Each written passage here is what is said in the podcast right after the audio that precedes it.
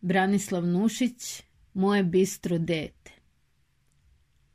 Čudnovato je kod mene da mnoge događaje i pojave mogu da predvidim.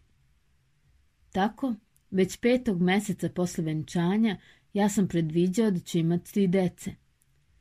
Prvo je bio sin sa plavim očima, koje su posle postale graoraste, pa onda smeđe i najzad crne. To je bilo neko nevaljalo dete sa čudnovatim prohtevima. Ono je, na primjer, sa najvećim zadovoljstvom čupkalo meni sve dlačicu po dlačicu iz brkova i ja sam to sa suzama od bola u očima strpljivo dozvoljavao, jer mi je tašta objasnila da se to mora trpeti, da je to upravo najveće zadovoljstvo za oca kad mu dete počupa brkove. Šta više, moja tašta, da bi mi učinila što veće zadovoljstvo, hrabrila je malog tiranina, vičući mu jednako čup, čup, čup. Ali to su bili već prvi dani detinji, koji pripadaju više majici. A posle nekoliko godina moj sin je već toliko odrastao da je sva briga oko njegovog vaspitanja pripala meni kao ocu. A kad kažem briga, to nije tek onako uz reč, nego ćete odmah vidjeti da je to bila prava briga. Dok je moj sin junački preskakao plotove, ja sam se još tešio gledajući u njemu Hanibala koji će preći Alpe. Dok mi je preskakao preko glave, tešio sam se gledajući u njemu Miloša Vojnovića koji će preskočiti tri hata i na njima tri plamena mača. Dok je krao komčijska jaja, ja sam se i tada još tešio, nazirući u njemu velikog budućeg osvajača Napoleona. Ali on počeo i takve stvari da činim kojima se već nisam više mogao da tešim, jer nisam ni u političkoj, ni u kulturnoj istoriji mogao da nađem ugleda. On, na primjer, razbije komšijske prozore, jajd ta ništa, po svoj prilici i mnogi drugi veliki ljudi razbijali su komšijske prozore.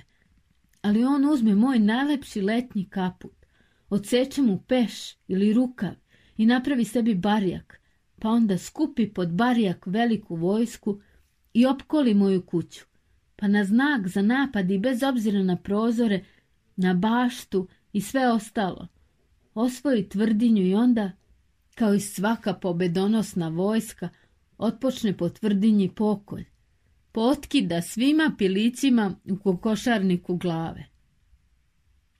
Ja se, razume se, zabrinem, i to više kao roditelj, nego kao sobstvenik poklanih pilića. Saopšti moje ženi tu brigu i razume se, zabrine se i ona. Jedno veče mi izmenjamo mišljenja onako kako to zabrinutim roditeljima i dolikuje. Ženino je mišljenje bilo da je dete bistro, na mene.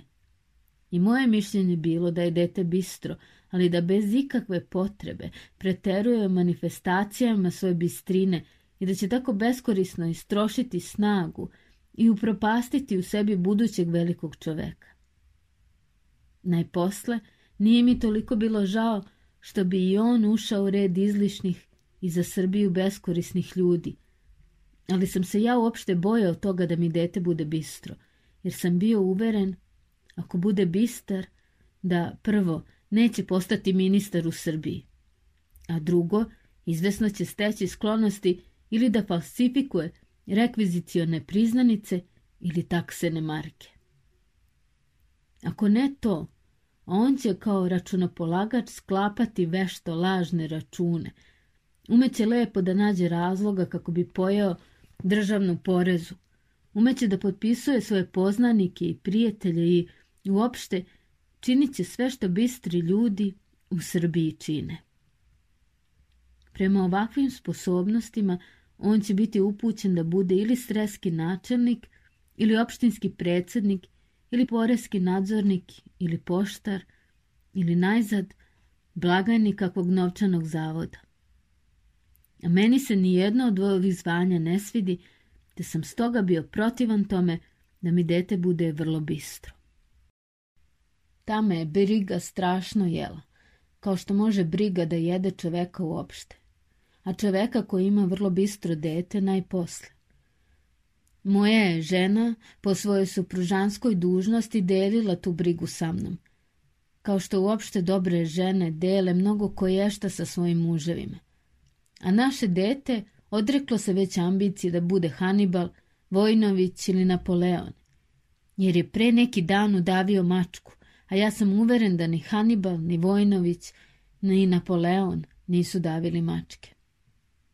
Eto, ta me je briga dovela do misli da intervjuišem jednoga od naših odličnih pedagoga, člana prosvetnog saveta i svih komisija za preustrojstvo nastave, tvorca mnogih nastavnih programa i počasnog člana društva za vaspitanje dece, a zatim pisca ovih znamenitih dela. Majka kao vaspitač, kuća kao vaspitač dece, prva, druga i treća sveska, još nesvršeno delo, kako se u dece neguje građanske vrline, javno predavanje u građanskoj kasini, pogreške roditeljske, samotom na koricama, pogreške dečije, to su pogreške njihovih roditelja. I tako dalje. Juče sam baš bio kod gospodin pedagoga i zažalio sam jako što sam ga uznemirio, jer ga zatekoh zadubljenog u posao za koji mi on reče da se takođe odnosi na vaspitanje dece. On mi ponudi stolicu i tek što sedoh, ja sa užasom i životinskom drekom skočih pipajući se vrlo nepristojno pred licem gospodina pedagoga. Ah, ah, ah, uzviknuo on siromah i poče i sam da me pipa kojegde. Oprostite, hiljadu puta oprostite. To je onaj moj najstariji. Ah, tako je nestašan. Eto vidite, metnuo je iglu na stolicu, a mi to vrlo često čini. Oprostite. I vi to onda imate vrlo često prilike da gledate kako vam gosti skaču sa ove stolice. Odgovor ih malo pakosno, ali kako ja nisam bio običan gost, već molilac, utišah se i sedoh.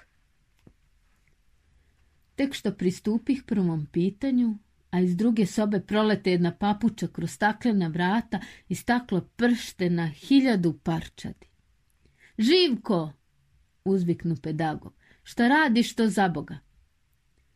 Kroz razbijeni prozor promoli se jedna ljubka detinja glavica sa rečima. Gađa majku, ne da mi ključeve do ormana. Eh, eh, eh, kako si ne valja. Zar ne vidiš da je ovde gospodin? Dete me veselo pogleda, pa se onda iskezi na mene, tako krvnički kao da mu ja ne dam ključeve. Najposle Gospodin pedagog se zamisli duboko i poče da mi daje opširna uputstva kako će moga sina da odnegujem. Uputi me i što treba da čitam, preporučio mi je naročito svoje dela, ubedio me u to da sam ja kriv svemu nevaljalstvu svoga sina i taman je najvišim tonom, turiv suve koštunjeve ruke u zamršenu kosu, izgovorio bio moto sa korice jedne svoje knjige Pogreške dečije, to su pogreške njihovih roditelja, ali se kroz prozor na ulici začu mali dečiji doboš i prođeše preko 50 dece, uparađeni kao vojnici. Nad svima komanduje najstariji gospodin pedagogov. Napred je velika zastava od crvene cicane zavese. Upravo u tom momentu gospodin pedagog opazi da mu na prozoru nema jedne zavese. Svi vojnici nose štapove na ramenu, a na glavama im troćeškaste kape od hartije. Pedagog pogleda kroz prozor, najpre mirno, zatim preblede, kao manit otvori fioku svoga stola i kad vide da je prazna, on se užasnut pljesnu rukama po glavi. Ah, gospodine, ah, ah, ah, šta je za Boga? upita ga. Upropašćen sam, prosto sam upropašćen. Udari on u dreku. Imam već šest meseci kako radim i danju i noću četvrtu svesku moga dela, kuća kao vaspitač dece. I svršio sam je tek pre deset dana. Zamislite, tek pre deset dana. To je vrlo lepo, ali ne razumem zašto ste. Zar ne vidite one kape na dečijim glavama? To je moj najstariji uzeo rukopis iz fioke i napravio kape svojoj vojsci.